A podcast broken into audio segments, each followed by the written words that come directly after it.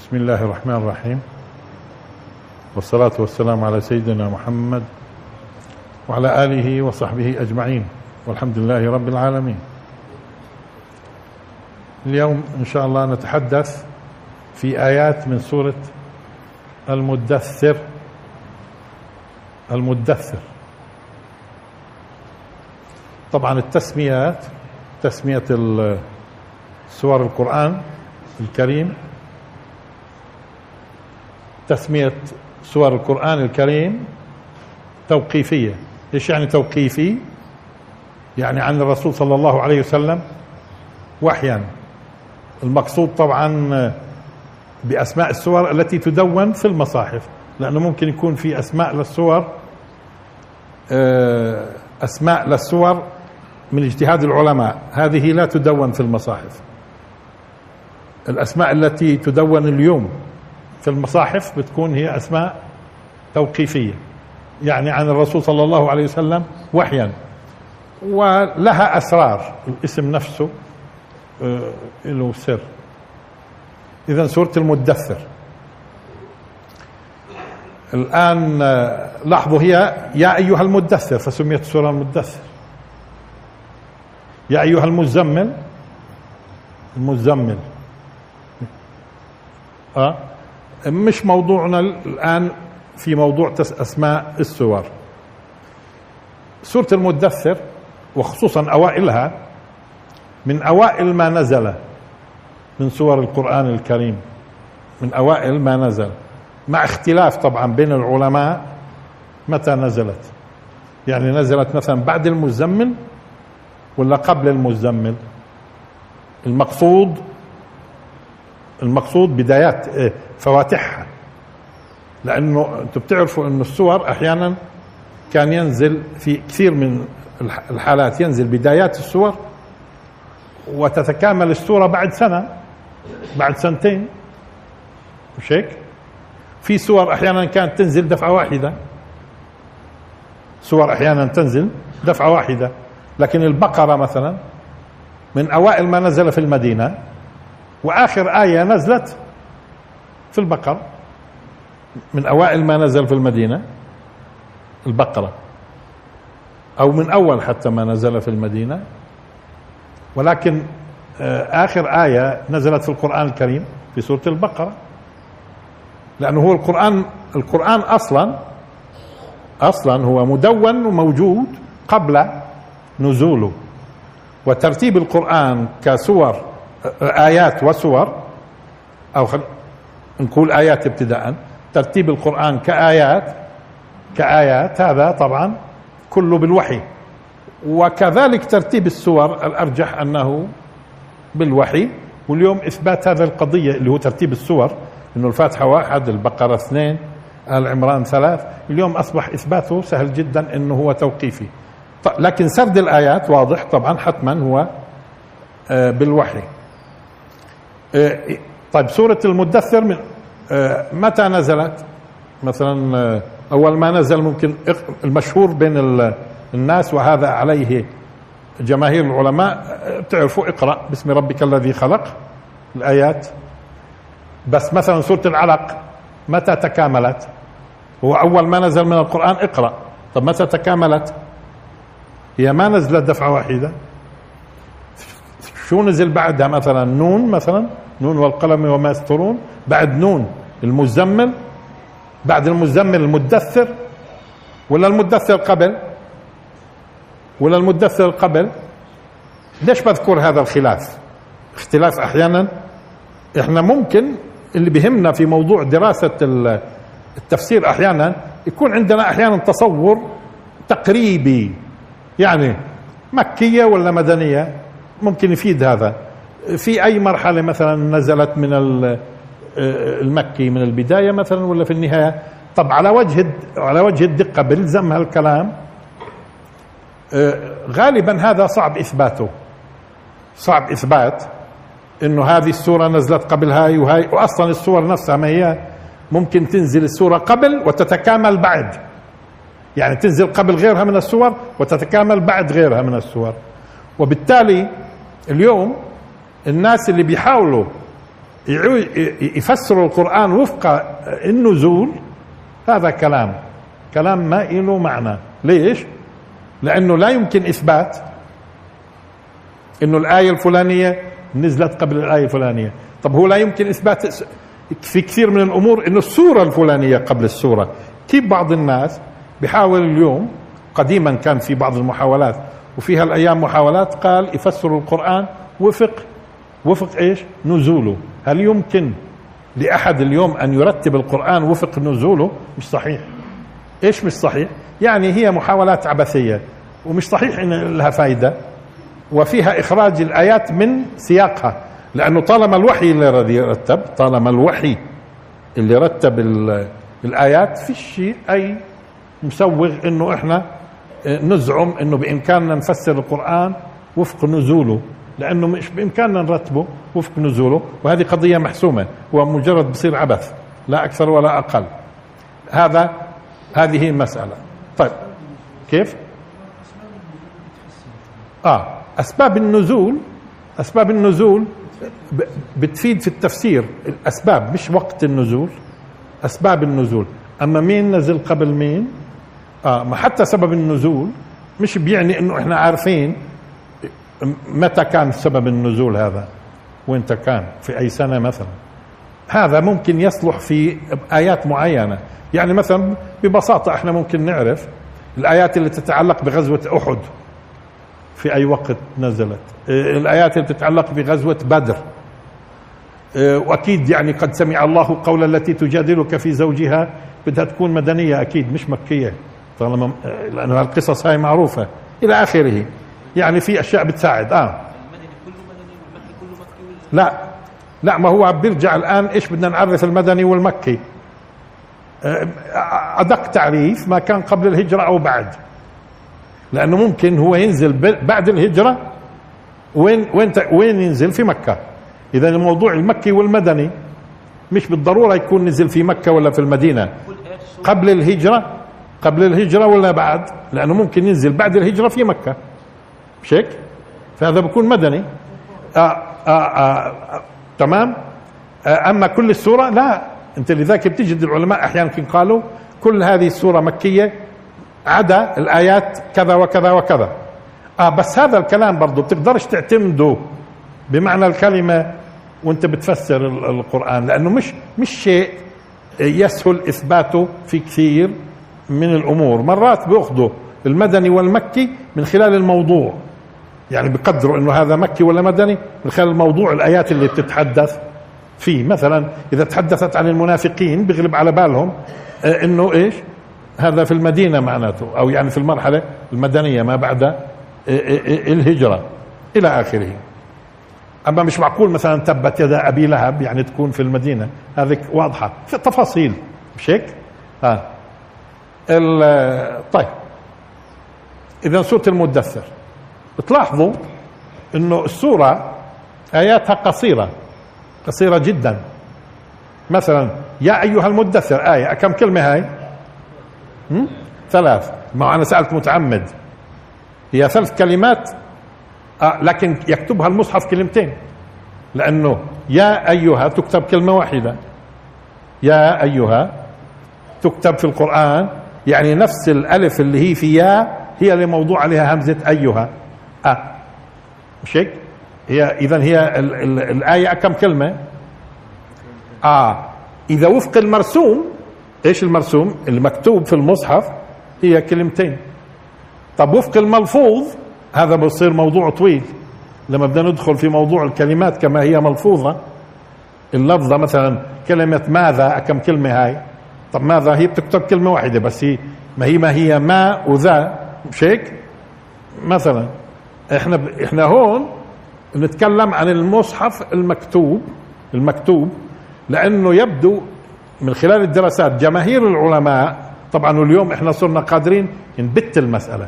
جماهير العلماء على إنه رسم المصحف رسم المصحف يعني طريقة كتابة الكلمات والحروف لأنه مرات الحروف تحذف أو يعني في حروف لا تلفظ وتكتب. في حروف لا تلفظ وتكتب زي مثلا الواو في أولئك. مش هيك؟ والألف في أولئك مش مكتوبة وتلفظ. ولا مش هيك؟ أولئك. مش هيك؟ هاي الألف ملفوظة ومش مكتوبة. والواو مكتوبة ومش ملفوظة. تمام؟ فرسم المصحف ما نراه الحقيقة من خلال دراستنا إنه قول الجماهير العلماء هو الصحيح وفي ناس بيزعموا إنه هذا مش قول الجماهير. لا هو قول الجماهير اللي هو إيش؟ إنه رسم المصحف توقيفي. إيش توقيفي؟ يعني بإشراف الرسول صلى الله عليه وسلم قصدي الوحي. بإشراف الوحي. طب الرسول صلى الله عليه وسلم أمي مثلا طب ما إحنا قلنا الرسول مبلغ. هو ببلغ إيش؟ الوحي. الوحي بيقول له هو ببلغ. والرسول صلى الله عليه وسلم كان يشرف على كتابة الصحابة فيملي على كتاب بعينهم مختارهم يملي عليهم وبعد ما يكتبوا يطلب منهم يقرأوا عليه شو كتبوا. بعد ما يملي آه، يقرأوا شو كتبوا. وطالما إنه الوحي الوحي هو اللي يقود العملية اذا فيش إشكال إنه رسول أمي مش هيك طالما المسألة مسألة وحي وتبليغ تبليغ اللي بيكتبوا. فلذلك أنتم بتلاحظوا انه رسم المصحف بيختلف عن آه، الطريقة المصطلحة اللي, اللي كانوا يصطلحوا عليها الصحابة حتى في الكتابة. اللي يصطلحوا عليها الصحابة في الكتابة إحنا بنجد في كلمات الكلمة نفسها تكتب بأكثر من طريقة وبكون بينهم أحيانا سطر. تكتب بأكثر من طريقة. آه، وطبعا في أحيانا بعض الرسومات رسم الكلمات ممكن كلها تفسير وأسرار وفي كلمات مش ممكن. يعني مش ظاهر الأمر أنه صعب جدا أنت تفسر ليش هنا كتبت بهذه الطريقة. لكن ديروا بالكم الرسم نفسه له أسرار. اليوم مش موضوعنا طبعا أسرار الرسم. لكن قلنا إنه هي آيات قصيرة. لاحظوا يا أيها آية يا أيها المدثر آية كلمتين. قم فأنذر. وربك فكبر وثيابك فطهر. أنتم ملاحظين؟ والرجز فاهجر. كلمتين كلمتين كلمتين. مرات بصير ثلاث أربعة خمسة. في آية سبعة وخمسين كلمة. بس آية واحدة. شوف إحنا قلنا الآيات إيش؟ قصيرة. يا أيها كلمتين زي ما هو مكتوب. إحنا بنتعامل بإيش الآن؟ المصحف. لأنه في عندنا تلك آيات الكتاب تلك آيات الكتاب وقرآن مبين. كتاب وقرآن. كتاب من جهة مكتوب وقرآن من جهة مقروء. من جهة مقروء. آه كما هو مكتوب المصحف قلنا فيه له أسرار ولابد من التنبه. المسلمين يدرسوا طريقة الكتابة وشو ممكن تحتمل من أسرار وفي بعض الدروس السابقة لفتنا شوية لبعض أسرار كتابة آه، آه، المصحف. إذا الآيات قصيرة حتى الآية 31 أنتم لما تفتحوا المصحف راح تجدوا إنها آية طويلة. طويلة. 57 كلمة. ثم ترجع الآيات قصيرة بعدها. كلا والقمر. كم كلمة؟ بعد الآية 31 مباشرة. كلا والقمر. والليل إذ أدبر. والصبح إذا أسفر. إنها لإحدى الكبر تستمر قصيرة. الآيات. إذا قلنا لما تفتحوا أنتم المصحف راح تلاحظوا آية طويلة جدا. قبلها كله قصير. يعني كلمتين ثلاثة أربعة خمسة بشكل آه لكن سبعة وخمسين. سبعة وخمسين. بيشبهها شوية. بيشبهها شوية. آخر آية في المزمل. ما هي بتيجي سورة المزمل في الترتيب وبعدها إيش؟ المدثر. الآية عشرين من سورة المزمل طويلة. طويلة. آيات المزمل لاحظوا؟ يا أيها المزمل قم الليل إلا قليلا. نصفه أو انقص منه قليلا. المهم لما تجد تيجي للآية عشرين بتجدها طويلة. بعدين تيجي المدثر وفيها آية 31 آية طويلة. إذا وصلنا في التفسير لعند هذه الآية إذا وصلنا ممكن شوية نتحدث في في المسألة ليش كانت بهذا الأسلوب؟ وطويلة جدا وهي أطول آية في القرآن كنسبة نسبة وتناسب. إيش يعني نسبة وتناسب؟ بس إحنا بنعرف إنه أطول آية في القرآن الكريم في سورة البقرة. اللي هي آية إيش؟ الدين المداينة. لكن لو جينا قلنا مثلا إنه سورة البقرة 286 آية عدد كلماتها 6116 فنيجي نقول 6116 تقسيم 286 بيطلع متوسط الآية الواحدة. مش هيك؟ تطلع آية المداينة تقريبا قد ستة أو قد سبع آيات في المتوسط. آية المداينة قد ستة إذا أطول آية في القرآن إذا بدنا ننسبها لآيات السورة اللي هي آية المداينة ننسبها لآيات سورة البقرة بتكون في المعدل قد ستة أو سبع آيات بس. لكن سورة المد... آية المدثر هذه قد 19 قد أول 19 آية عدد كلماتها. سورة المدثر هاي قد أول 19 آية. تنسوش إنها هي بتفسر العدد 19 لأنه عليها 19 هاي الآية 30 ثلاث كلمات بعدين بتيجي الآية 31 بتفصل لماذا وما الحكمة من ذكر العدد 19 فهي كانت قد أول 19 آية من سورة المدثر وهو أول عدد بينزل في القرآن الكريم.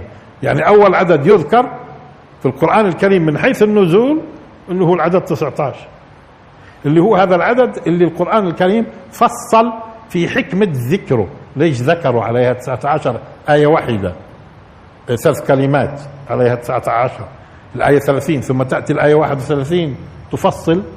لماذا ذكر العدد؟ أو الحكمة من ذكر العدد؟ 19 أو كونه في عدد 19 إلى آخره. مش موضوعنا الآن بدنا نرجع لبداية سورة المدثر. يا أيها المدثر. طبعا في قصة مشهورة بيعرفوها الناس كثير ورد في البخاري آه، في الأحاديث الصحيحة آه، قضية أنه الرسول صلى الله عليه وسلم لاحظوا بعد ما فتر الوحي لأن الوحي انقطع عن الرسول فترة. قديش هذه الفترة؟ الصحيح الصحيح إنه إنه أيام. وإن يعني وإن قبلنا شوية أسابيع بس. مش زي ما بيزعموا بعضهم. ثلاث سنين ست أشهر هذا كلام. هو فترة الوحي عندما فتر الوحي مدة قليلة جدا أيام أو أسابيع قليلة. ثم حصلت حادثة أن الرسول صلى الله عليه وسلم رأى جبريل على هيئته. مستعرض في السماء ويبدو المنظر إحنا. ليش الرسول طبعا أصيب بحالة آه، شديدة لما رأى لأنه المنظر إحنا ما بنعرف كيف هو لأنه رأى جبريل على صورته يملأ الفضاء على صورته تمام؟ وقصة زملوني زملوني ودثروني أو زملوني زملوني فدثروه. لأنه شو الفرق؟ على فكرة بين زم زملوني ودثروني بنشوف الآن شوي. الآن يقال إنه بعد هذه كما ورد في الأحاديث الصحيحة بعد هذه الحادثة حادثة إنه فتر الوحي ثم رأى الرسول صلى الله عليه وسلم جبريل على صورته فزع إلى البيت يبدو أصابته حالة من ممكن بتعرفوا بعض الناس ممكن في مثل هذا يشعر بالبرد الشديد. مش هيك؟ أو إنه غير متماسك. غير متماسك. زملوني زملوني. قال فدثروه دثروا الرسول صلى الله عليه وسلم. طب إيش يعني زملوني وإيش دثروني؟ وهل السورتين نزلوا في في المناسبة نفسها؟ المهم هذا وارد في الأحاديث. آه، في البداية إيش يعني المدثر؟ وإيش المزمل؟ إيش الفرق بينهم؟ المزمل والمدثر. خلينا في البداية نوضح معنى المتدثر. ما هو المدثر؟ مرات بصير إدغام في الحروف المتقاربة في المخرج. الحروف المتقاربة هون في عندنا المو تا التاء والدال مش هيك في تقارب إد وإت. في المخرج بصير إدغام في اللغة ها؟ اذا المدثر هو إيش؟ يعني المتدثر. طب إيش الدثار؟ نشوف الآن. لاحظوا. هلقيت آه، آه، نفرض إنه في عندنا آثار بيوت مثلا آه، قديمة يأتي الرمل يغطي مع الأيام طبقة فوق طبقة في النهاية شو بصير المكان؟ داثر. ما بعودش إيش؟ مبين. معناته لاحظوا جت الطبقة الأولى غطت أجت الطبقة الثانية غطت الثالثة غطت وفي النهاية شو صار؟ آه. اذا لاحظوا كأنه مجيء شيء فوق شيء شيء فوق شيء طبقات. شيء فوق شيء طبقات. ها؟ لذلك لقيت مثلا آه، صاروا يولدوا من من هذا المعنى. آه، طبعا معاني مثلا آه، إيش مقصود لما جاء الصحابة وقالوا للرسول صلى الله عليه وسلم ذهب أهل الدثور بالأجور. مين أهل الدثور؟ الأغنياء. طب بالكم على ضوء هذا المعنى. إيش هم أهل الدثور؟ اللي معهم أموال كثيرة. أموال كثيرة. تمام؟ أهل الدثور. آه وليش بيكون المكان الداثر اللي مش مبين آثاره؟ لأنه مغطى طبقة فوق طبقة فوق طبقة فوق طبقة. خلاص دث طيب. آه في بعدين بيقولوا في عندي شعار ودثار في اللباس. الشعار اللباس اللي بتلبسه أنت بكون ملاصق لجسدك. شعار والدثار هي اجى فوقه طبقة فوقه وممكن كمان واحد وإحنا بنلبس مرات أكثر خصوصا أهل العبي ولا شيك بيكون أول شيء لابس الشعار اللي هي إيش؟ الملابس اللي بتلابس بتلابس جسده. بعدين بكون لابس فوقهن ولابس فوقهن كمان وهي عباء كمان. هاي معناته متدثر هذا. متدثر. بالشتوية مثلا.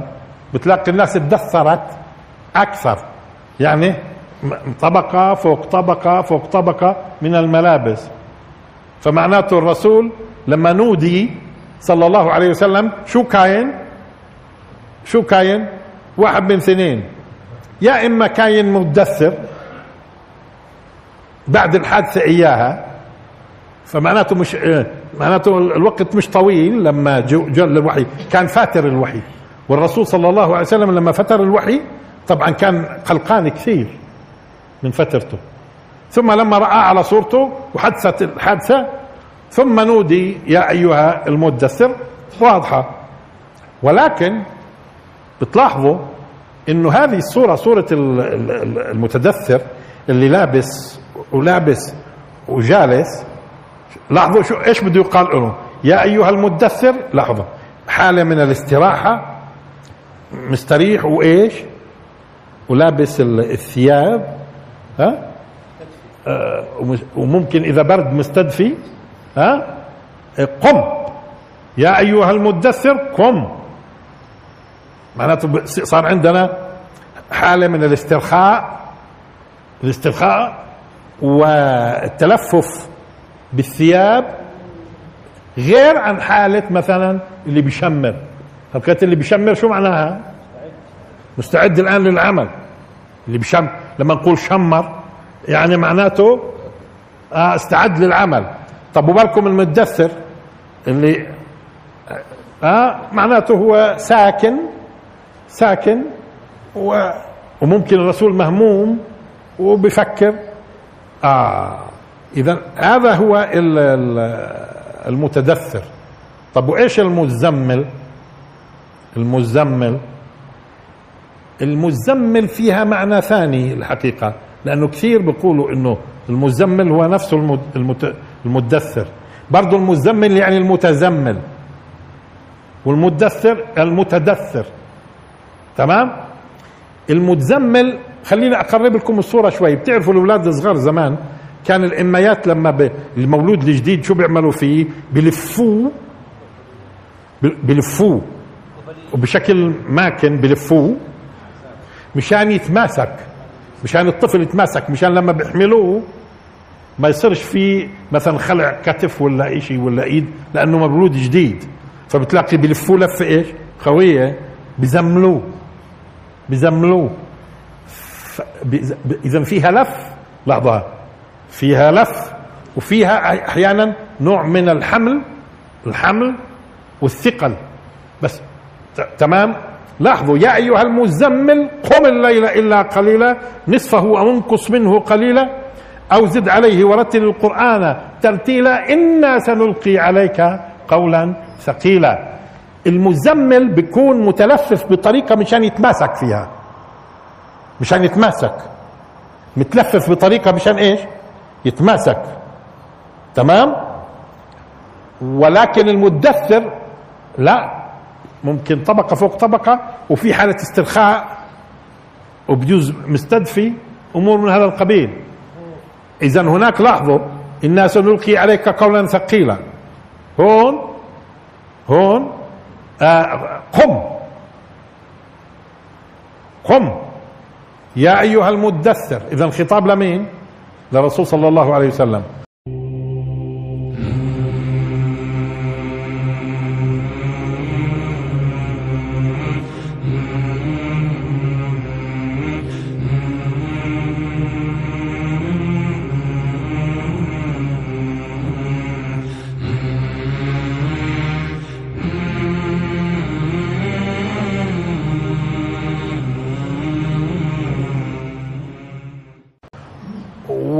وبعض العلماء قال إنه هو الرسول صلى الله عليه وسلم الآن في لاحظوا في عالم آه، المعاني. إنه الرسول صلى الله عليه وسلم كان قبلها جاي الوحي وكأنه بناديه بناديه يا أيها المتدثر بالنبوة وصفاء الأخلاق و و و و هيك بفهموها بعض الناس. الان الآن ما عادش وقت الراحة والنوم لأنه غالبا المتدثر إيش قلنا؟ ساكن هيك وبجوز بناء نايم كمان. آه؟ الآن ومرتاح. الآن مش وقت الراحة. الآن مش وقت الراحة. قم. يا أيها المدثر قم. اذا خاطبوا خاطب الرسول صلى الله عليه وسلم في حالة من حالات كان هو فيها ويصلح هذا على فكرة يصلح هذا لمخاطبة أي إنسان زي ما تقول مستريح مش سائل في موضوع يقوم يحمل دعوة أو يدعو الناس ويتعب معهم وإلى آخره. مش هيك؟ كأنه بيصلح له مثل هذا الخطاب. يا أيها المدثر كيف مرات إحنا ممكن يجي نقول لواحد مثلا بمعنى ثاني يا نايم. شو يعني يا نايم؟ معناته الآن بعدها إحنا بدنا آه، بدنا إيش بدنا إيش نخاطبه بشيء مناقض للنوم. يا مرتاح. يا مادد رجليه إيش في؟ في قضية كبيرة. في في قضية كبيرة. في إشي. آه معناته هذا مش وقته. مش وقت إيش؟ كانت معناته وقت التشمير. وقت التشمير. آه فبالتالي لاحظوا المعاني مرات في أشياء حسية الناس بيستخدموها في عالم المعنى. لذلك آه المشمر معناته بده يجد ومجتهد. المتدثر معناته الآن هو مرتاح ومتلفف ونايم بجوز كمان. تمام؟ يا أيها المدثر قم فأنذر. مع إنه الرسل بيكون الواحد فيهم بشير ونذير بشير ونذير إلا أنه البداية كما تلاحظون في الرسالة شو كانت؟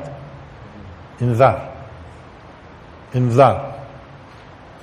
لأنه على فكرة من الأولويات درء المفاسد أولى من جلب المنافع. لازم يكون في صيحة في هذه الأمة أنه أنتم ماشيين في طريق خطير. أنتم في منزلق. فإذا أول قضية مشان الناس تنتبه شو لازم يكون؟ انذار. هذاك التبشير بصير لمين؟ للي أقبل وقبل قال لك آه أنا سلمت نفسي وأنت صادق. طيب إيش ال... هينا مشينا في الطريق وهي بعد عنا الخطر. آمنا ومشينا في إيه؟ بيجي البشرى. لكن هي الأمم كلها كانت الرسل أول ما تأتي إيش؟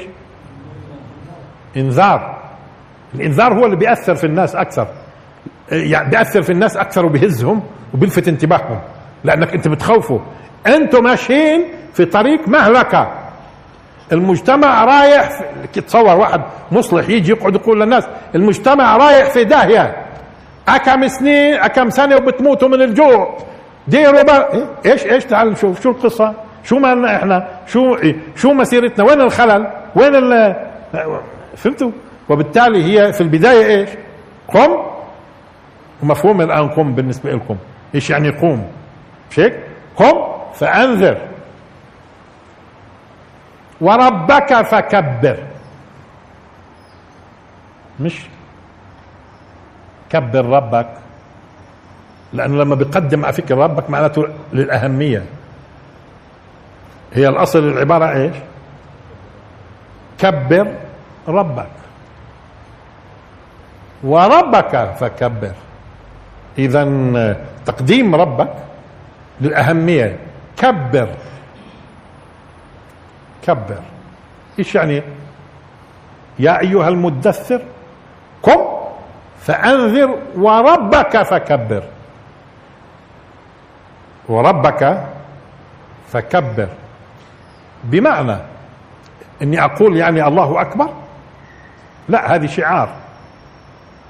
هذه شعار. الله أكبر. شعار شعار آه، شعار المسلمين. لا إله إلا الله. شعار آخر. لا إله إلا الله. شعار. محمد رسول الله. شعار. الله أكبر. شعار. هذا شعار. شعار أهل الإسلام. هذا تقول لأنه ديروا بالكم دائما المبادئ المبادئ والأفكار والقيم حتى تغرس في النفوس. لا لابد يكون في شعار ويردد الناس. صغير وكبير. صغير وكبير. مشان ترسخ الأمور في لذلك لاحظوا أنتم في العيد. اولا في الصلاة. في الصلاة. إيه كيف تبدوا فيها أنتم؟ الله أكبر. تمام؟ في الأعياد. في الأعياد. تكبير. والمسلمين في الحروب لما كانت تقوم المعركة إيش شو شعارهم؟ الله أكبر. الله أكبر.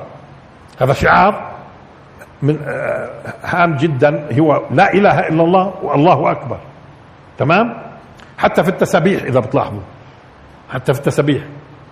سبحان الله والحمد لله ولا إله إلا الله والله والله أكبر. أكبر. تمام؟ وربك فكبر. اكبره في الك... اكبره في إيش؟ اولا في اعتقادي. تصوروا إنسان الإنسان لما بيوصل في الاعتقاد الجازم أن الله أكبر أكبر لاحظوا مفهوم أكبر. أكبر مش الله كبير مش الله كبير الله أكبر. يعني أي شيء بيخطر في بالك الله إيش؟ أكبر. في أي باب؟ في باب العلم الله أكبر. في باب الحكمة أكبر. في القوة أكبر. وين بوصل تفكيرك؟ أكبر. هذا مفهوم لا نهائي. مش هذا هو اللانهائي مش هذا هو اللانهائي مش لا نهاية. أكبر. اذا وين وين ما بيذهب بيذهب فكرك هو أكبر. إلى أين؟ إلى ما لا نهاية. أكبر. لأنه أصلا الله سبحانه وتعالى قوة مطلقة. ما فيش نهاية. حكمة مطلق علم مطلق. الله أكبر. تصوروا. تصوروا. لما يكون في ضمير المسلم أن الله أكبر. طب الآن الرسول صلى الله عليه وسلم لاحظوا قم فأنذر اللي بده يقوم ينذر بيكون معتقد إنه إيش؟ ربي اللي خلقني ورزقني ووهبني والآن بيربيني ما هو من ضمن التربية على فكرة؟ الرسالة. لذلك لاحظوا الرسالة شو بدت أصلا. بسم الله الرحمن الرحيم. الحمد لله رب العالمين. لأنه هو المربي لهم الخالق الرازق الواهب المربي. الآن الرسول صلى الله عليه وسلم بده يقوم ينذر في ضميره واعتقاده في ضميره واعتقاده إنه الله هو الأكبر. شو بكون الناس يعني؟ وكل ال وكل ال وكل اللي بيحشدوا هذول كل اللي بيحشدوا وكل اللي بيتآمروا. مش في أيام الرسول صلى الله عليه وسلم وعبر التاريخ كله في أيامكم. لأنه في بعضكم ممكن ييأس. لذلك اليوم لازم نرسخ في في في ضمير الناس إنه الله إيش؟ أكبر. لأنه اليوم الناس لما صارت عبارة الله أكبر كانها ما لهاش معنى. بقولوها وبفكروش فيها. إيش يعني أكبر؟ إيش يعني أكبر؟ يعني القضية محسومة. لما قال له قم فأنذر وربك فكبر. انتهى الموضوع. بكبره أنا فقط في اعتقادي اعتقادي بس في ضميري بيكون أكبر. سلوكي في كثير من الناس. على فكرة لما بيسلك معناته تكتشف أنت هذا هذا ما ما ممكن بيعتبر الله أكبر. لو بيعتبر الله أكبر ما سلك السلوك. ولا خضع ولا ذل ولا أعطى الدنيه مش معتقد أنه أكبر الله أكبر. يائس. يائس معناته مش معتقد أن الله المتصرف وأنه أكبر من كل هذول المتآمرين اللي بيعملوا مؤتمرات وبيحتجدوا وبشوف دول عظمى وتفاصيل إلى آخره. ها؟ بشوفهم كبار كثير. هو بشوفهم كبار كثير ليش؟ لأنه مش معتقد الاعتقاد الحقيقي إنه الله أكبر. مش معتقد إنه الله أكبر. ولو معتقد إذا المسألة أنت حتى في سلوكك نقدر نكتشف أحيانا أنت وين واصل؟ وين واصل في الله أكبر؟ في عالم عالم القوة وفي عالم الرزق وفي عالم إلى آخره. من سلوكيات الناس على فكرة تقدر تعرف إنهم هم بيكبروا الخالق وبيعتبروه هو الأكبر ولا كيف. يعني هذا الشعار اللي بنقوله كل يوم في الصلاة. الله أكبر. هذا وبنكرره مرات في الفروض خمس مرات وفي غير النوافل وغير قيام وغير الأعياد وغير آه الله أكبر الله أكبر الله يعني إيه أنت أنت بتظن إنه بس يعني كلام؟ كلام ولا اعتقاد؟ هذا لازم يكون سلوك. سلوك. في كبير في كبير في كبير. بس الله أكبر. إذا الله أكبر معناته كل هذا اللي قدامك صغير أنت خايف من مين؟ كله صغير. شو كله صغير؟ انت شوفوا شوفوا معالات الأمور.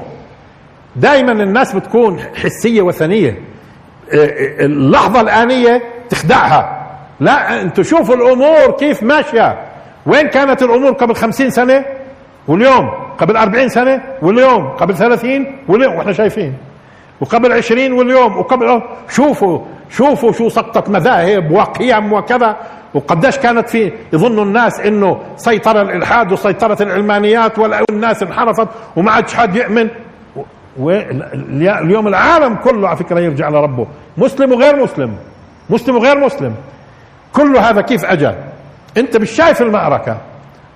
الله أكبر. كل المؤامرات اللي بتشوفها الله أكبر. وهون جيد إنه نلفت الانتباه لأن وربك فكبر. شوفوا هذه النصائح تصوروا من أوائل ما لما خوطب الرسول صلى الله عليه وسلم في أول آيات ما هم قالوا العلماء هذه أول ما نزل في الرسالة. أول ما نزل في النبوة اقرأ. وأول ما نزل في الرسالة يا أيها المدثر قم. فأنذر. أول ما نزل في الرسالة.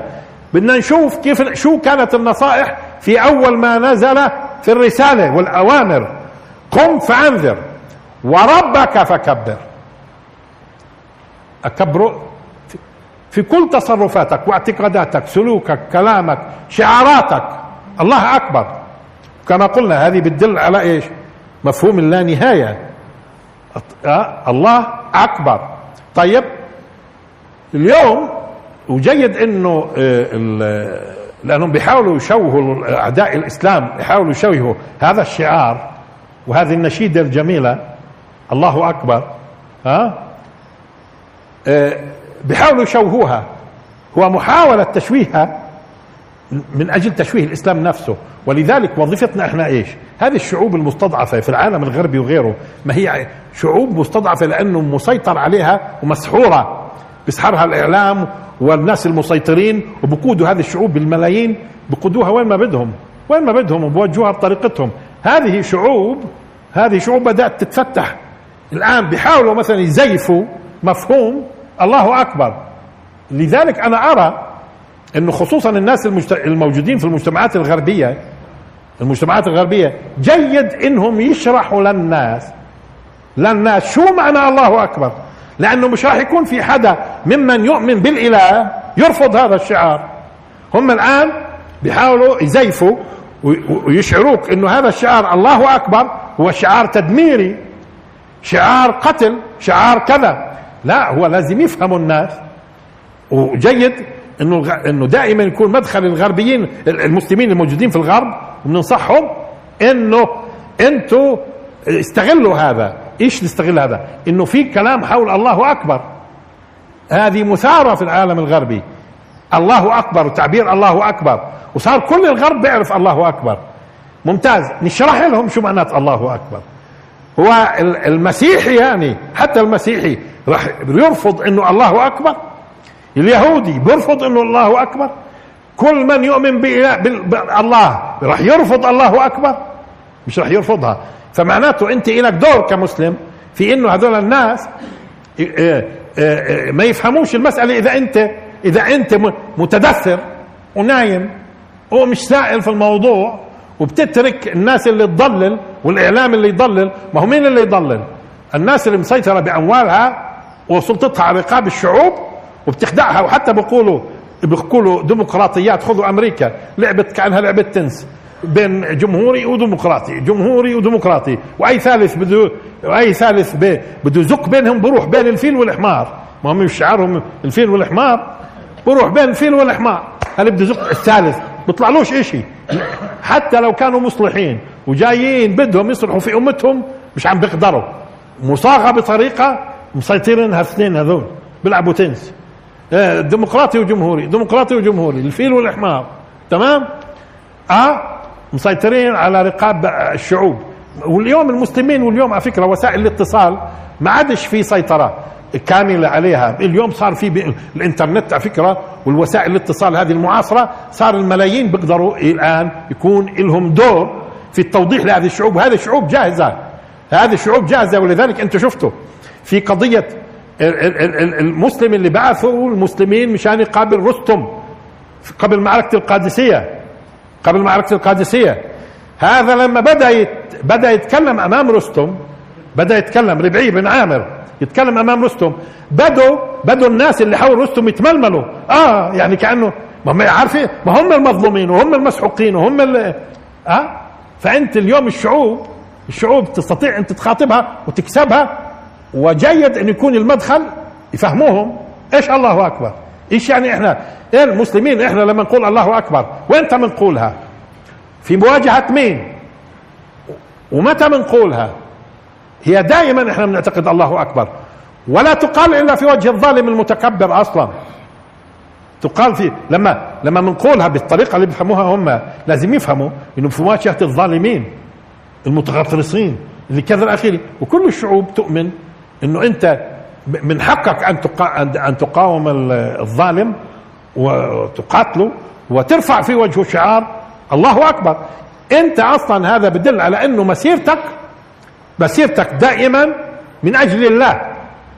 مش مش أنا اللي بدي أحكم الشعوب وانهب مواردها. لا كله من أجل أن يكون الله في نفوس الناس إيش؟ أكبر. في نفوس البشر كلها. أكبر. مش مشان أنا أكون أكبر أو الحزب الفلاني أو الدولة الفلانية. آه؟ وبالتالي لاحظوا أنتم هذا الشعار في في آه، عند المسلمين قديش مهم. وأنا أتصور إنه لابد إنه دائما ندرس والمدر والناس هم يدرسوا سواء الأطفال أو غيرهم أو يعرفوا في الإسلام يبدأوا بشعار لا إله إلا الله وشعار الله أكبر محمد رسول الله. هاي القضايا الثلاثة. يفهموا الناس إيش المقصود فيها. يفهموا إيش المقصود فيها. وراح تشوفوا أكثر ما راح تحبوا الشعوب. فعلا لا إله إلا الله. والله أكبر. وفيش حدا بمانع. وفيش حدا بمانع. ممن يؤمن بالإله والخالق. طيب. اذا يا أيها المدثر قم فأنذر وربك فكبر وثيابك فطهر. وثيابك فطهر. يعني آه رح نضطر نخالف الجمهور. جمهور أهل التفسير. ليش؟ لأن الحقيقة معناها زي ما فهمتوها. ثيابك فطهر. طهر ثيابك.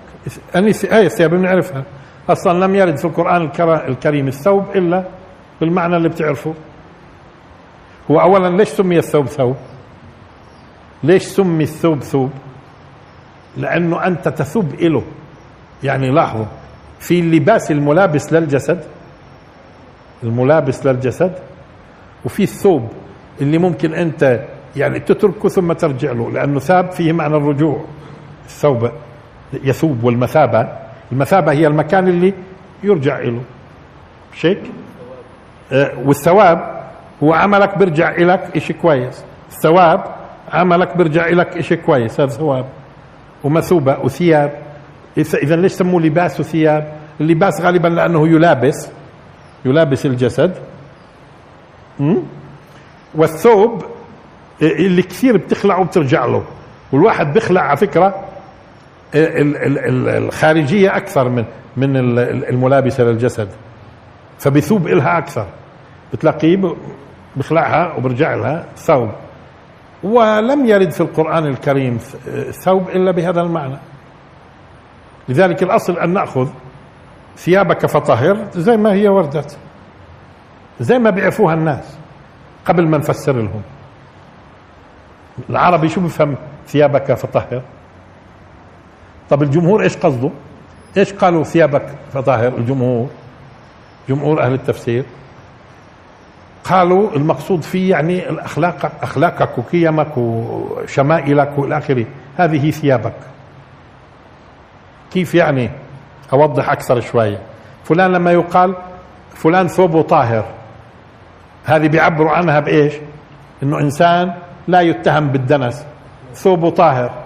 وأنتم اليوم بتعرفوا في لما بصير مشاكل وبتروح العبي بوقف واحد بيكون خلص بيمثل الآخرين شو بقول؟ مشان يحكي باسمهم ويعطي الحقوق ويأخذ إلى اخره بيقول هذا فلان لبس ثوبهم لبس ثوبهم.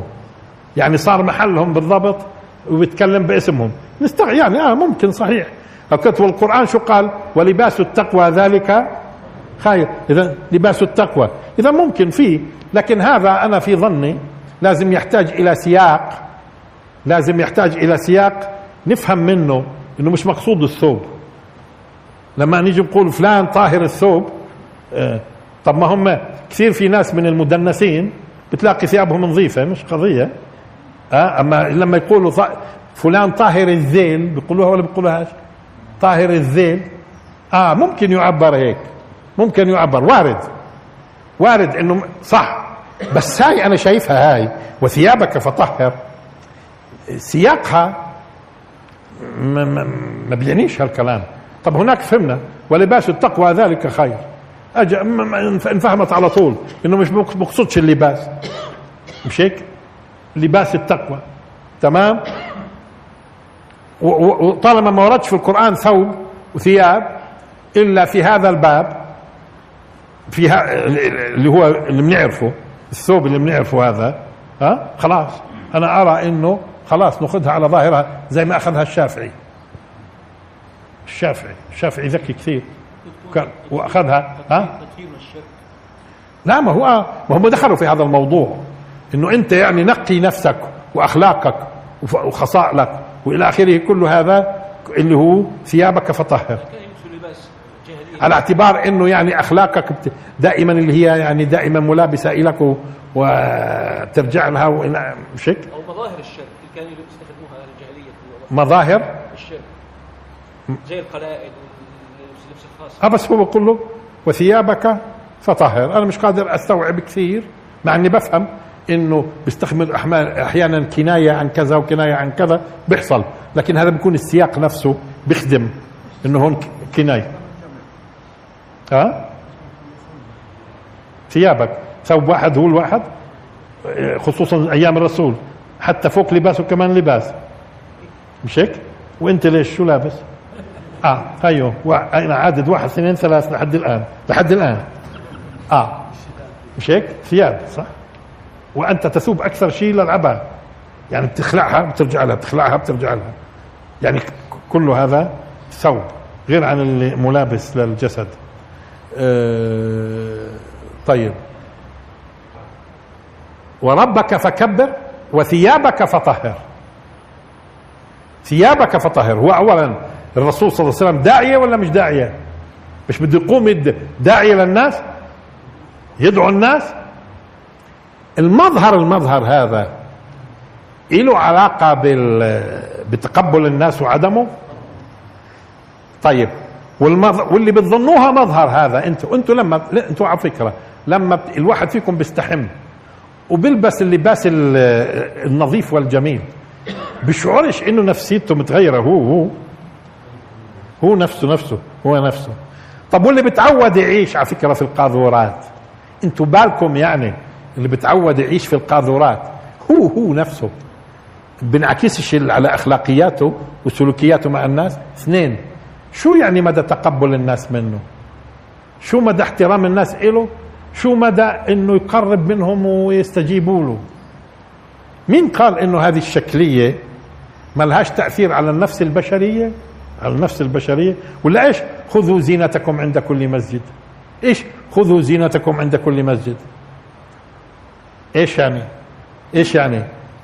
وممكن يكون إنسان على فكرة منظره آه، آه، يعني ثيابه قذرة وإلى آخره وروائح كريهة وبده يتقدم يتكلم مع الناس.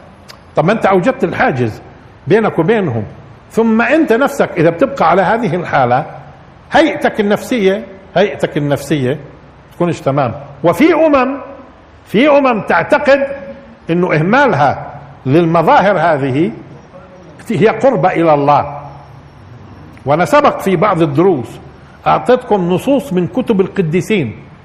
بجوز بعض الناس يقول لك لا إحنا في المسيحية هم إيه، لا ما هو إحنا النظافة وفي عندنا نظافة. لا أنا بدي بعض القديسين كيف فهموا الأمور. بعض الكتب التي مجدت القديسين لاحظوا بعض إيش؟ ألفاظها اللي إحنا سبق ذكرناها. إن القديس فلان هذا من هذا الآن من نص. نص في كتاب حول القديسين. إن القديس فلان قديسين في المسيحية. إن القديس فلان لم يرتكب إثم غسل الرجلين ثلاثين عاما. أو أو الوجه كان أظن الوجه ثلاثين والإجرين خمسين.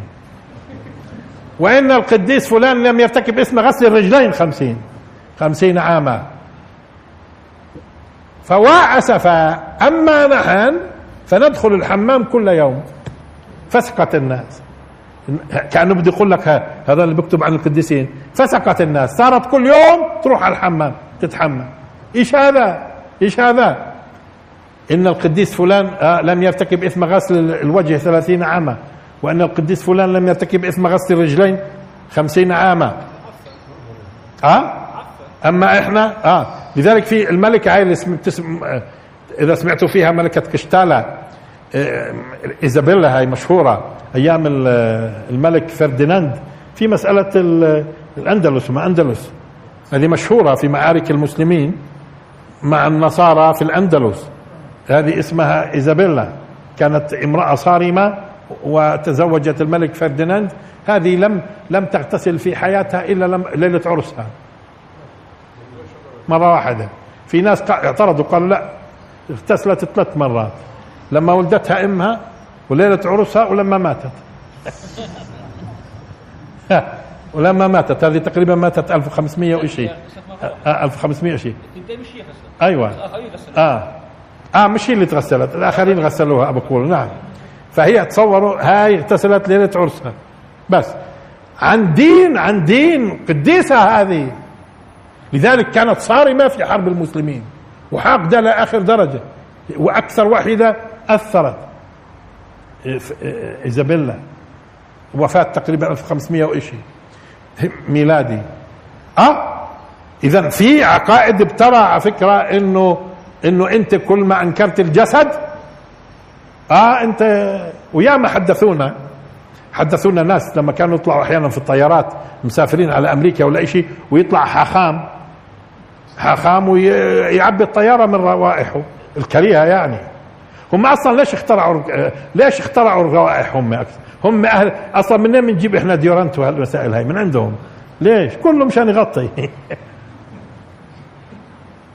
بس الناس لما فسقت وصارت علمانية صارت تتحمم. لما ناس فسقت وصارت علمانيات صاروا يتحمموا. لما فسقوا ولذلك واحد كان بدرس في اليونان. قال كنا نسكن عند عائلة يونانية ما المد- اليونانيين متدينين أكثر من غيرهم لأنه أرثوذكس. لذلك لحد الآن يا دوب يسمحوا ببناء مسجد. الآن؟ آه آه ما ظنش سمحوا. في العاصمة كان من كم من سنة ثلاث أربع سنين كان في محاولة لبناء مسجد أبصر وين؟ بنوه ولا ما بنوهوش آه متعصبين كثير. آه، كانوا يعني يعترضوا على الفلسطينيين لما يشوفوهم بتحمموا. في الأسبوع مرتين مثلا ولا ثلاث. آه في الشوب خصوصا. يعترضوا. شو هذا شو هذا شو هذا؟ يعني هذا بدل على إنه كل الدين هذا. كل الدين. هذا الحمام والنظافة بهالطريقة هاي. وممكن فعلا لو يروح الواحد يدرس في هذيك البلاد يدرس ال- الأمم المتدينة وكيف كيف بتتعامل اللي فسقت ما هي فسقت أصلا وعشان هيك صارت تتحمم. فهمنا؟ فتستحم يعني. لأنه في فرق يتحمم واستحم من ناحية لغة. بس إحنا الآن نحكي عامي. لأنه المحمم هو اللي بيجيب السخام وبيحمموه هيك. يعني مشحبر. وهذاك بيستحم. طيب المهم آه ف فهذا ممكن يكون أصلا هذه الوصية إعلان بإنكار كل العقائد المتنكرة للفطرة السوية اللي الله خالقها في البشر وحاجتهم للنظافة والطهارة. واصلا لو اجوا لكتب الفقه لو اجوا لكتب الفقه سوف يجدوا أول باب عندنا الطهارة. أول باب بالفقه عندنا الطهارة في كتب الفقه. في كتب أول باب الطهارة وقديش باب الطهارة عندنا؟ إحنا باب الطهارة قديش باخذ هذا بدك تدرسه مساق كامل مساق كامل طويل عريض هذا. ومن أصعب ال- المساقات على فكرة اللي بدرسوها في الفقه لما بدرس الطهارة. الطهارة. فأنا مستغرب ليش يعني لما قال له وثيابك فطهر أجوا صاروا يروحوا يعني بدهم من ظاهر اللفظة هاي يروحوا لقضية انه اخلاقك وكيف لا ما هي جاي مع قضيه قضية الأخلاق جاي بعد شوية. لا هذا ثيابك. ثيابك وبعدين أصلا الدين جاي يفصل لك أحكام الطهارة والاغتسال والمسائل هاي كلها. آه، أيوه. منظر مظهر الداعيه اللي لازم يدل. طهارة ال- لا، مظهر لازم يدل على طهارة المخبر. لأنه مرات الناس ممكن تسيء كمان الظن لأنه المخبر إذا مش طاهر الناس بظنوا ك- قصد المظهر معناته المخبر الله أعلم. وفعلا ممكن. في تبادل تأثير لعلمكم. في تبادل تأثير بتأثر الإنسان. ولذلك لما يصاب الناس أحيانا ناس يصابوا بالجنون أو أمراض نفسية بيبدأ يظهر عليهم عدم النظافة ومسائل من هذا القبيل. مسائل من هذا القبيل. آه فهذا ديروا بالكم شيء مهم جدا. لا هو بالضبط هو بالضبط. اذا وربك فكبر وثيابك فطهر. لا هذا شعار إسلامي. هذا شعار سم ما يروحوا ليش؟ إنه ثيابك يعني أخلاقك وكذا. ليش بتهربوا منها؟ ليش بتهربوا منها هاي؟ وهي واضحة. بتقولوا كناية ومش كناية واضحة. في وجاء الإسلام في أحكام الطهارات بالتفصيل. ولا توجد أمة أصلا عندها أحكام طهارات مثل الأمة الإسلامية. ما توجد أمة جزء أساسي من الدين جزء أساسي من الدين ال- الإسلامي. ولازم كل مسلم يكون متعلمه طهارات. واليوم على فكرة واليوم لما الناس تراجعت في معرفة الدين من جزء من اللي تراجعوا فيه معرفة قضية أحكام الطهارة. الطهارة. ولو عرفوا المسلمين أحكام الطهارة وراعوها تماما هذا المظهر ينعكس على المخبر وفي علاقة الناس والداعية بن- آه، مع الناس بيكون له تأثير. ما بصيرش يكون في حواجز. الداعية بينه وبين الناس ما بصيرش يكون حواجز. مش بس مخبر ومظهر كمان. اذا هي هي كما هي. وتصوروا من أول يوم هاي الوصية. بعدين راح يجي التفصيل. لأنه هذه من بداية الدعوة. التفصيل راح يجي بعدين. في قضية ثيابك فطهر والتفاصيل كلها الدين راح يفصلها. اذا يا أيها المدثر قم فأنذر وربك فكبر وثيابك فطهر. ليش لا؟ والرجز فاهجر. آه الرجز. في عندنا الرجز والرجز وهي تقرأ أيضا والرجز فاهجر. تقرأ قراءتين. والرجز فاهجر. والرجز فاهجر. وفي الرجس الرجس ورد في القرآن الكريم آه، تقريبا بقدر ما ورد الرجز. من ناحية إيش؟ العدد. يعني عشر مرات عشر مرات. يعني آه، الرجز آه، آه، الرجز ورجز رجزا ومثلا آه، رجس رجسهم إلى آخره. فعلا قد بعضهم على فكرة. في بعض أهل اللغة قال إنه مرات بصير تتحول الزين الزاي إلى السين أو العكس وإنه هذول بالمعنى نفسه هذا غير صحيح. غير صحيح إنه الرجز والرجس بالمعنى نفسه مش صحيح؟ بعدين بتيجي الرجس وإن كان وردت في القرآن زي ما قلنا وهذا يعني فقط آه، العدد نفسه. هون رجز ورجس. أي واحد. اثنين. والرجز فاهجر. والرجز فاهجر. انت بتلاحظ انه علماء حتى اللغة والمفسرين الكثير منهم بيقولوا فيش فرق بين رجز ورجز. وممكن يكونوا هذول فعلا فعلا لغتين. إيش يعني لغتين؟ كيف لما مثلا بعض ما هو ال- القرآن على فكرة نزل بالعربية الفصحى بس مش عربية محددة يعني فقط عربية قريش. لا في حتى قريش. القبائل الأساسية في قريش في قبائل أساسية معروفة نزل القرآن بلهجتها. مش قبيلة واحدة. أهل مكة كانوا يقولوا مؤمنون. أهل أهل المدينة بيقولوا مؤمنون. تمام؟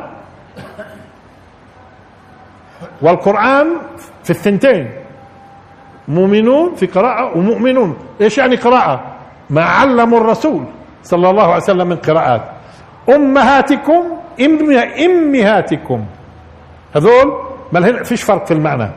أمهات إمهات. مؤمنون مؤمنون. فيش فرق في المعنى. هذول لهجات. لهجات عربية فصحى. ونفس الشيء ممكن يكون. والرجز والرجز. مع أنه القرآن استخدم يعني تسعة ر- رجز وفقط في واحدة هاي والرجز. والرجز. وبعض بعض أهل التفسير قال المقصود فيها الأوثان ونقلوها عن ابن عباس. آه، ممكن تكون لغة يعني لهجة. رجز ورجز. تمام؟ والرجزة لأنه تقرأ قراءتين. إيش يعني تقرأ قراءتين برد؟ أركز الرسول صلى الله عليه وسلم هو اللي علم والرجز فهجه وهو اللي علم والرجز فهجه. طيب شو هو الرجز؟ والرجز بقولوا العذاب. طبعا هل صحيح إنه الرجز العذاب؟ طب خليني أقرأ مثلا. خليني أقرأ. والذين سعوا في آياتنا معاجزين أولئك لهم عذاب من رجز أليم. هاي عذاب من رجز. يعني عذاب من عذاب. كمان مره إذا الرجز معناها عذاب. والذين سعوا في آياتنا معاجزين أولئك لهم عذاب من رجز أليم. من رجز أليم. آه، طبعا قراءتين على فكرة. ليش؟ عذاب من رجز أليم. اذا الأليم معناه العذاب. عذاب من رجز أليم. الأليم مين؟ الرجز والذين كفروا بآيات ربهم لهم عذاب من رجز أليم. آية ثانية. أليم وأليم إنه يعني عذاب أليم. رجز أليم. قرأها الرسول صلى الله عليه وسلم. إذا معناته مش صحيح إنه الرجز معناته العذاب. العذاب. ولا هو الرجس. إيش؟ انتهى الوقت ها؟ ولا هو الرجس. إذا شو هو الرجز وإيش الرجس؟ ونكمل إن شاء الله آه، في الدرس القادم. وآخر دعوانا الحمد لله رب العالمين. وبارك الله فيكم.